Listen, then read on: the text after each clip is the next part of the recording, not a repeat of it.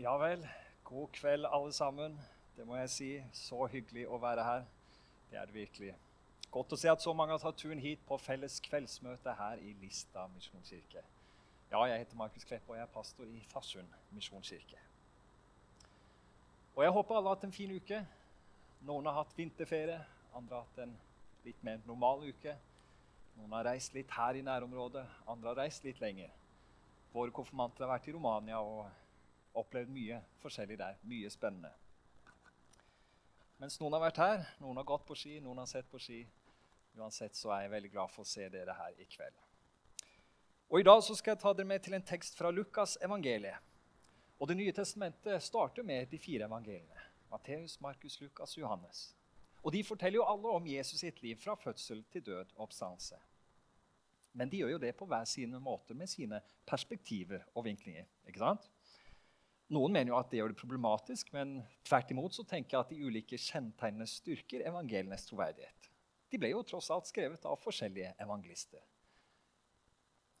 Og Jeg er kanskje litt sånn enkeltskrudd sammen, men jeg har av og til ofte sammenlignet evangeliene og reflektert rundt hvem av de som er min favoritt. Så simpel er jeg, rett og slett. Og jeg har ofte sagt at Markusevangeliet selvsagt, det beste navnet, det er jo favoritten, har jeg sagt. Det er jo det korteste evangeliet, og jeg liker jo det at evangelisten er rett på sak. Ikke noe tull. Hva er det viktigste med Jesu liv folk må forstå? Det skal jeg ha med meg. Men som sagt så har alle evangeliene hver sine kjennetegn og hver sine skatter. Men vi skal i dag til Lukas evangeliet, og det må jeg også si er et utrolig spennende evangelium. Det er jo i Lukas vi finner julefortellingen. Jesus som tolvåring i tempelet, og vi finner lignelsen om ja, den barmhjertige samaritan og den bortkomne sønn i Lukas. Alt dette finner vi kun i Lukas-evangeliet. Vi finner ikke disse tekstene i de andre. Og I motsetning til f.eks. Matteusevangeliet, som ble skrevet hovedsakelig til jøder, så skriver Lukas til et større publikum, til hedninger eller til alle folkeslag. Og Vi skal se på den siste delen av Lukas evangeliet kapittel 14, og teksten er fra vers 25 til 35. I min bibel så er overskriften for denne delen 'Hva det koster å være en disippel'. Og Det er nettopp det som er tittelen min her i dag for den talen. Hva det koster å være en disippel. Og Det er derfor jeg hadde lyst til å ha denne introduksjonsvideoen, for å dykke litt ned i det her. Hva vil det si å være en disippel? Hva koster det å være en disippel? Og Det er jo det en menighet, menigheten er til for. Å skape disipler. Å ta folk gjennom en reise. Disipler gjør det. Så handler det om å bli mer lik Jesus. Så det er talen min i dag, temaet. Hva det koster å være en disippel. Og det er spennende, det er interessant, og ikke minst så er det utfordrende.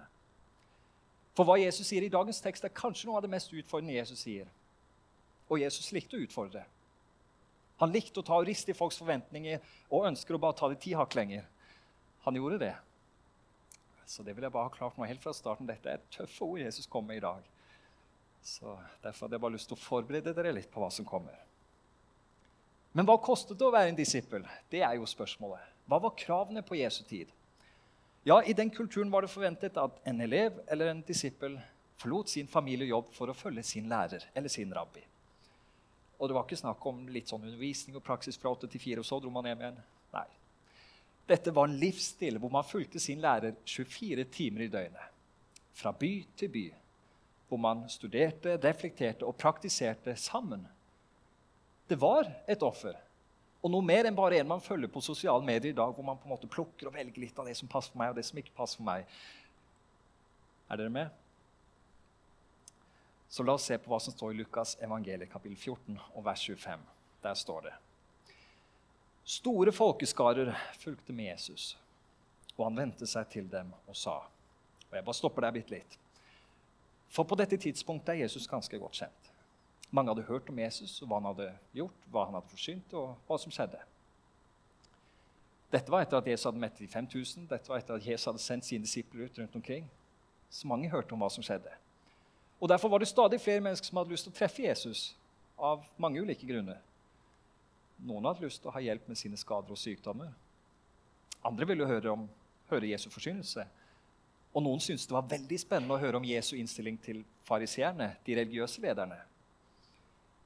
Og Jesus visste veldig godt hvorfor de var her. Han visste hva de ønsket. Og Jesus på en måte visste, kjente til denne overfladiskheten. Og Derfor går han rett i dybden på hva som skal til for å bli en disippel. Og det er ganske interessant, det. For i dag så føler jeg at kirke og menigheter ofte ønsker de store forsamlingene. Bare flest mulig folk. Og så må vi jo beholde denne mengden og ta vare på alle disse ulike menneskene. Men når Jesus ser folkemengden, så blir han skeptisk og spør ja, er dere sikre på at dere følger riktig person. ja, vet dere hva dere gjør? For hvis dere vil følge meg, så vil det koste noe.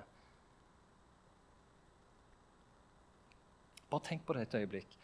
Hvordan hadde det vært for deg å være der blant alle disse menneskene? Bare se det for deg. Og tenk hvis det var du som skulle talt til alle disse menneskene. Ikke Jesus, men du. Ja, hva hadde du sagt?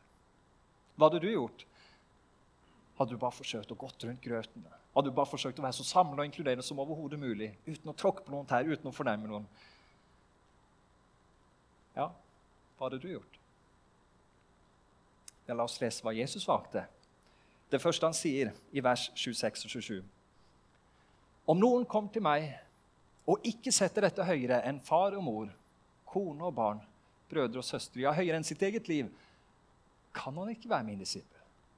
Den som ikke bærer sitt kors og følger etter meg, kan ikke være min disippel.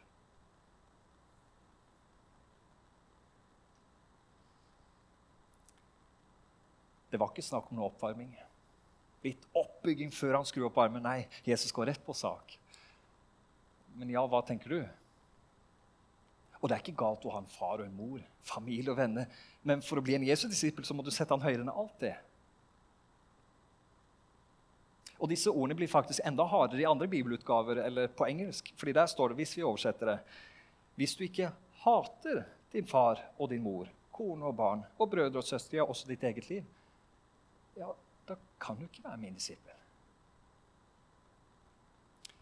Det høres ganske alvorlig ut. Men disippelskapet krever absolutt lojalitet. Den som vil følge Jesus, må være klar om det blir nødvendig, til å handle mot sine egne kjære. Og hva med ditt eget liv? Er du redd for å dø? Er du redd for å miste livet ditt ved å finne det? Tror du at det jeg vil gi deg, er verre enn Ja, men da kan du ikke være min disippel, sier Jesus.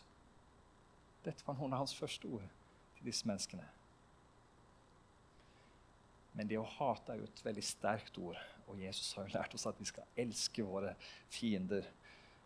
Så når Jesus her understreker at disiplene skal hate sin nærmeste, så betyr jo det at han må sette Jesus så høyt at ingen kan komme imellom. Ja, Disiplene må elske Jesus framfor alt. Det er ikke snakk om noe personlig hat. eller noe sånt. Nei, nei, nei. Men det handler om å, å gjøre alt for Guds rikes skyld uten at man tar hensyn til alle andre. Og jeg vet jo at dere har verdens snilleste og flotteste barn, verdens beste familie og fantastiske venner. Men Gud sier jeg er langt, langt her oppe. Det er der jeg skal være. Det er jeg som har skapt dine barn, det er jeg som har skapt deg. Det er jeg som har gitt deg alt du har. Du hadde ikke engang pustet akkurat nå. Hadde det ikke vært for meg. Er du klar over hvor stor skatt jeg er? Ja, hvorfor sier Jesus alt dette her? Jesus vil bare være helt sikker på at disse menneskene er på rett plass. Han undersøker om de har lyst til å følge ham, for da må de sette ham høyere enn mor og far. Kone og barn, brødre og søstre. Ja, høyere enn sitt eget liv. Og Jesus ber oss om å bære vårt kors og følge ham. Hva betyr det? Ja, Det å bære sitt kors det betyr død framfor fornekkelse. Og dette korset bærer vi ikke pga. våre personlige svakheter av fysisk eller mental karakter. Men vi bærer altså korset når vi lider for andre. Å bære korset vil altså si at man uttømmer sitt liv for alt det som er selvfisk. Ja, ganske tøffe ord, ikke sant? Og det kan høres ganske greit og viktig, men når det plutselig går opp for oss at ja, det betyr jo at jeg må gjøre noe med hvordan jeg lever livet mitt, med hvordan jeg bruker tiden min, med hvordan jeg bruker pengene mine, ja, det er jo da man virkelig kjenner på det når det får konsekvenser for hvordan jeg skal leve livet mitt. Det er jo da kampen begynner. Men folkens, det hva Jesus har kalt oss til. Disse få årene mens vi er her på jorden. For vi er faktisk borgere av to kongedømmer akkurat nå. To verdener. Ja, vi har det jordlige, eller det verdslige systemet her nede. Men så er vi også borgere av et annet kongedømme hvor Gud sitter på sin himmelske trone. Og han forteller oss hva vi skal si, Selv om det ikke er sikkert at folk alltid vil like hva vi sier. Og kanskje forteller han oss om hva vi skal gjøre. Og det kan være både utfordrende og spennende. Ja, vi er ofte så fokusert på hva mennesker tenker og føler og synes om oss. Vi fokuserer så ofte på så ofte på å bli sett og likt og anerkjent. Men la oss heller fokusere på han som er der oppe. Men han er ikke kun der oppe, for han er også med oss hver dag inntil verdens ende. Ja, dagen vi har her på jorden, er begrenset. Kun et øyeblikk når vi tenker over det, når vi ser i det store bildet. Og Det hadde jeg lyst til å illustrere litt her for dere i dag. Så Derfor har jeg med meg et tau. Og jeg skal ikke hoppe, så frykt ikke. Jeg skal ikke hoppe noe tau, nei. Se der. Og la oss bare si at dette tauet fortsetter den veien. ok? Dette tauet fortsetter helt uendelig. Dette tauet er en tidslinje. En tidslinje av din eksistens. Og ser du denne sorte delen her? Denne lille sorte delen representerer din tid her på jorden. Du har noen få korte år her på jorden, og så har du hele evigheten en annen plass. At dette er din eksistens. Og det som er så sjokkerende, synes jeg, er at så mange mennesker tenker bare på denne delen her. Det er hva de tenker på. De er helt oppslukt av denne delen. Åh, jeg gleder meg til jeg kommer her. Og jeg skal jobbe hardt og bare spare, spare, spare, slik at jeg kan kose meg og nyte livet akkurat her i denne lille delen her. Det er hva de tenker på. De er helt oppslukt av det. Åh, da skal jeg reise så mye jeg vil. Jeg kan spise godt og gjøre akkurat hva jeg vil når, jeg passer, når det passer meg. Og jeg, jeg, har så mange hobbyer. Og, så. og jeg bare Tuller du? Er det mulig? Hva med det her? Hva, hva med det her? Hva, hva, hva, med alt det andre? Fordi Bibelen er veldig tydelig på at hva vi gjør i denne delen, det stemmer hvordan vi skal leve i evigheten i millioner av millioner av år. For alltid. Så hvorfor skal jeg bruke denne lille delen her på å gjøre livet mitt så komfortabelt som overhodet mulig? Bare nyte livet så mye som mulig akkurat nå. Ja, det er jo spørsmålet.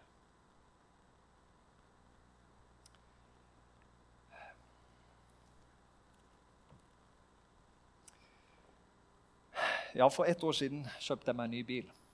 Og det var veldig stas. det må jeg jo si. Så jeg prøver å vaske denne her så ofte jeg kan for å ta godt vare på den. Men jeg forsto ganske fort at her må jeg passe på. Markus, her må du være forsiktig, for plutselig er det ikke jeg som er i bilen, men bilen som er i meg. Og det vil jeg ikke ha noe av. Jeg vet jo at dette kun er en midlertidig ting her på jorden. Jeg vet jo at om en 15-20 år kommer denne bilen bare til å ruste og bli solgt for deler. Ja, jeg vil ikke at denne bilen, tomme bilen skal ha mitt fokus.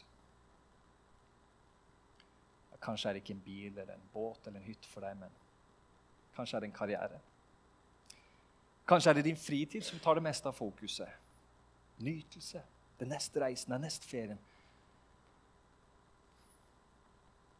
Apostelen Paulus, som har skrevet mye av Det nye testamentet, han sier at 'jeg vil gi livet mitt for oppdrag om å fortelle mennesker om Jesus'. Jeg vil bruke mitt liv, jeg vil investere mitt liv, slik at i det øyeblikket hvor jeg krysser mållinjen, så skal jeg glemme alt jeg kunne kose meg med. Ja, Jeg skal ikke se meg rundt, men jeg skal være som en løper som ser målet, som ser Gud der framme. For når jeg møter Gud, så får jeg ikke denne sjansen om igjen. Vi har én sjanse her på dette livet her på jorden, og det kan slutte når som helst. Hvert eneste sekund. Og så kommer evigheten. Og Det er jo derfor Paulus sier at jeg glemmer det som ligger bak, og så strekker jeg meg etter det som ligger der framme, og jeg jager mot målet, slik at jeg kan, når den dagen kommer, krysse mållinjen på en god måte. Ja, Jesus sier den som ikke bærer sitt kors og følger etter meg, kan ikke være min disippel. Og I de fem neste versene så forteller Jesus to bilder for å illustrere dette på en annen måte. Først stiller han spørsmålet hvis noen skal bygge et tårn. Er det ikke slik at han da setter seg ned for å regne ut kostnadene for å si om han har nok penger for å fullføre det? Ikke sant? Ganske logisk. For det er jo utrolig kjedelig og ikke minst pinlig å starte på ting og ikke fullføre det. Ja, kanskje man har opplevd det selv. Plutselig ble det litt for mange prosjekt på en gang, og så ble ingenting fullført. Og så ble alt bare halvveis. Ja, Det er jo ikke noe gøy, det. Nei, Her ser dere f.eks. noen som har begynt med en trapp, men ikke fullført den. Jeg vet jo ikke hvorfor den ble bygd slik, men uansett, dette er jo veldig pinlig. Det skal jo ikke være slik! Men er det ikke sånn livet er av og til? Man starter på noe uten å tenke seg skikkelig om, og så slutter man etter et halvhjertet forsøk. Ja, Kanskje du har noe nyttårsforsett for 2024. Hvordan går det? Går det bra? Du trenger ikke å gjøre noe sånn, eller nei, nei, det går helt fint. Studiet viser at 70% av alle nyttårsforsetter blir avsluttet i løpet av den første måneden. Vi er i februar. 70 er allerede gitt opp. Kun 9 klarer å gjennomføre sitt mål. Tenk det, kun 9 Det er jo ingenting. Åh, det er mange slike eksempler. Hvis du har vært i Barcelona, har du mest sannsynlig sett denne kirken her. La Sagrada Familia, verdens største katolske kirke, som ikke er fullført. Jeg har ikke vært der selv, men jeg har hørt at det er et mektig syn. Men jeg må jo si at den mister jo litt av denne wow-faktoren ved at det er flere heiskran ved siden av. Fordi den er ikke ferdig. De har holdt på i over 140 år. Satser på å bli ferdig i løpet av 2026. Det er i hvert fall planen. Vi får jo se om det er kirka eller det nye E39 som blir ferdig først. Det blir spennende. Men hvorfor trekker Jesus frem dette eksempelet med et tårn som blir startet, men ikke fullført? Jo, fordi Jesus vil ikke ha disipler som ikke beregner omkostningene ved å være hos ham. For det kan koste noe. Det kan det. La oss si at noen som aldri har vært i en kirke før, kommer inn hit, og den personen tar imot Jesus for aller første gang. Det beste som er. Men vedkommende fikk ikke noe oppfølging, ingen opplæring, ingen hjelp og støtte fra noen medvandrere. eller noe slikt. Og Nå skulle denne personen rett hjem og fortelle sine venner, sine naboer, sin familie og sine kollegaer om Jesus. Og så møter denne personen veggen etter noen få uker. Det er jo utrolig kjedelig. Det er jo egentlig bare utrolig trist. Og Det er jo egentlig det Jesus snakker om her. Hvis man legger grunn, men ikke klarer å fullføre, hvis man ikke klarer å ta disse stegene i riktig rekkefølge, i riktig tempo, og tenke gjennom hva dette kan koste Men det betyr ikke at Jesus ikke kan hjelpe oss gjennom det som er vanskelig og krevende. fordi det tror jeg. Vi tilhører jo en god Gud som elsker oss, og som bare vil oss det beste. Men det handler om å ha riktig fokus og ha blikket festet på Jesus. Og så forstår vi plutselig at det handler jo ikke om hva jeg klarer å gjøre. Det handler ikke om hva jeg kan prestere, hva jeg kan få til. Men det handler om hvem vi er, og at vi er elsket. Men det er her vi kanskje av og til lyver. Med gode intensjoner, altså. For det er så lett å ikke fortelle hele sannheten, for vi vil jo vi ønsker at de menneskene vi kjenner, de vi er glad i, at de skal kjenne Jesus. Men så forteller vi ikke alltid hva det koster å være en Jesu-disippel. Ja, Vi tenker ofte at ja, man må be en bønn, og that's it. Og plutselig blir man påvirket av det vi kan kalle for en herlighetsteologi, som sier at ja, Gud skal gjøre meg frisk, Gud skal gjøre meg rik, og hver eneste dag kommer til å bli kjempelett. Men Jesus har aldri sagt det. Nei, Jesus sier faktisk at livet ditt kommer til å bli mer utfordrende pga. meg. Ja, folk kan hate deg, men det er fordi de hatet meg først. Finn ut av hva dette koster, før du starter dette. Og jeg vet jo at vi ønsker bare det beste for de rundt oss. Jeg vet at det er mange foreldre og besteforeldre som ønsker at deres barn skal kjenne Jesus mer enn noen annet. Og Derfor prøver vi av og til og det forstår jeg veldig godt, å gjøre det så enkelt som mulig. Og Jeg sier ikke at vi skal gjøre det så vanskelig som mulig, men det betyr ikke at svaret er ja, bare fortsett å feste på byen sammen med vennene dine. Det går helt fint, det. Ja, ja, du kan bare fortsette å bo med kjæresten din. Det har ingenting å si. Nei, du trenger ikke å komme i kirka. Ikke tenk på det. Nei, jeg tror ikke det er svaret heller. For før eller senere så dukker det opp noe vanskelig, noe krevende, noe utfordrende. Og så forsvinner de. Ja, derfor vil Jesus at vi skal regne på kostnaden i forkant, slik at man ikke starter noe og så slutter halvveis.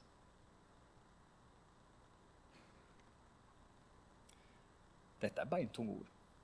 Det syns i hvert fall jeg. Og Jeg har lest disse versene igjen og igjen, og igjen, og jeg har av og til vanskelighet for å tro at det var Jesus som sa dette. Men det var det. Han ønsket at vi skulle tenke på hva vi blir med på. Fordi det er mange der ute. Det er en hel verden der ute. Og jeg må jo si at Det er overraskende hvor mange mennesker og hvor mange kristne som ikke er klar på dette, som ikke er forberedt på alt dette. Fordi Jesus, Når han sender ut sine disipler, så sender han de ut som sauer blant ulver. Det er ulver der ute. Og du, min kjære gode venn, du er på en måte bare en sau. Ikke veldig oppmuntrende, det, kanskje. For jeg vet ikke med deg, men jeg, jeg har aldri hørt om en sau som tar knekken på en ulv. Nei, sauene er avhengig av den gode huden. Ja, vi er avhengig av Jesus. Vi klarer ingenting uten ham. Vi er avhengig av å holde oss nær Jesus. Så er jeg villig til å følge Jesus. Er jeg villig til å gå ut i døren der i dag og ta opp mitt kors? Er jeg villig til å gå ut som en sau blant ulver? For vi er i mindretall. Uten tvil. Ja, Vi er faktisk på den upopulære siden, og vi kommer alltid til å være helt til slutten. Og det står at i de siste tider så skal det bli mer upopulært. Men du må bestemme deg på forhånd skal jeg kjempe denne kampen. Og Det er ikke et spørsmål vi stiller oss en gang i løpet av livet, og så er jeg ferdig. Nei, dette er et spørsmål vi må stille oss jevnlig for å sjekke hvor vårt fokus er, for å sjekke hvor vårt hjerte er. Ja, La oss se på de to siste versene før jeg avslutter. Vers 34 og 35. Jesus sier, 'Salt er en god ting, men hvis også saltet mister sin kraft, hvordan skal det da bli salt igjen?' Det kan ikke brukes verken i jord eller gjødsel. Det er bare til å kaste. Den som har ører å høre med, hør.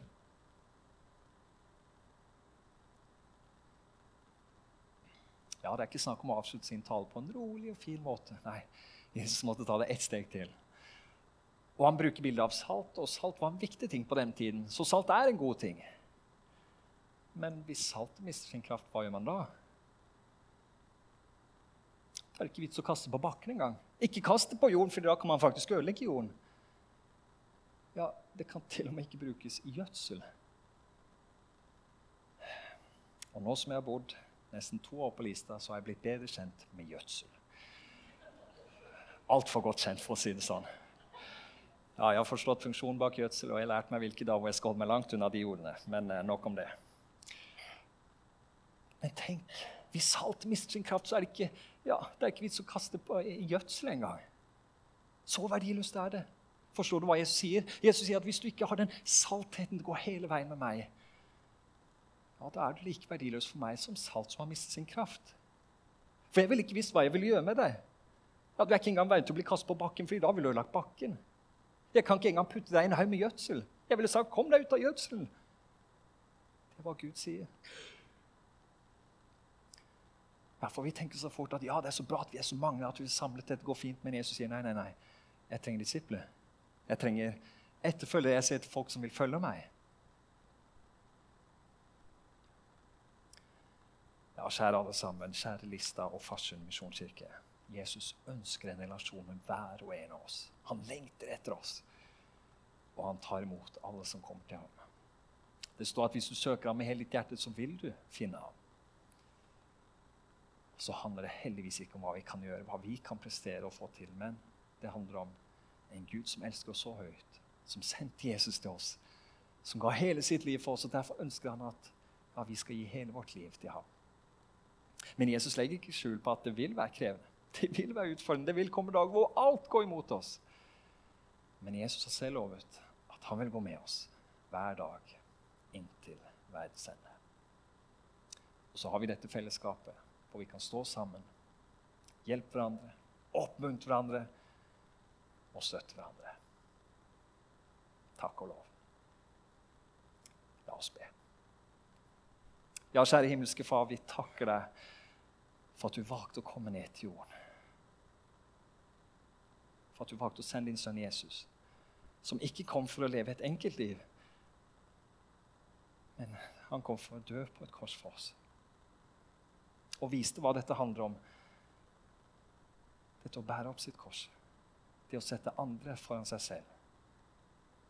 Og dette handler ikke om noen av oss, men det handler om deg, Jesus. Og vi er her for å bli kjent med deg, Jesus, og for å spre ditt navn, din kjærlighet, din godhet med våre venner, med våre naboer, i våre miljøer. Men det er ikke det det handler om.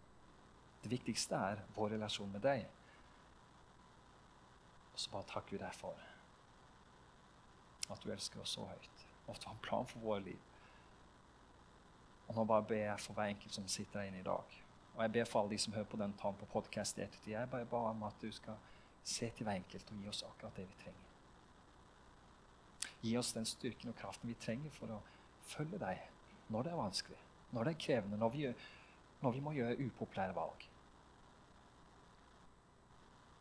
Herre Jesus, hjelp oss å være salt i våre relasjoner. Der hvor vi er, på jobb, på skole, i vennegjenger, i nabolag. Og jeg ber ikke minst om at hjelpe, du må hjelpe oss å se hver enkelt og se hverandre her i dette fellesskapet. Sånn at vi kan oppmuntre hverandre, løfte hverandre opp og støtte hverandre. Vi takker deg for alt det som skjer i gruppene i Lista og Farsund. Vi takker deg for alfakurset, vi takker deg for konfirmantene våre, ungdommene og alt det som skjer i denne kommunen. Jesus, vi takker deg. Må du velsigne resten av denne kvelden og uka som kommer.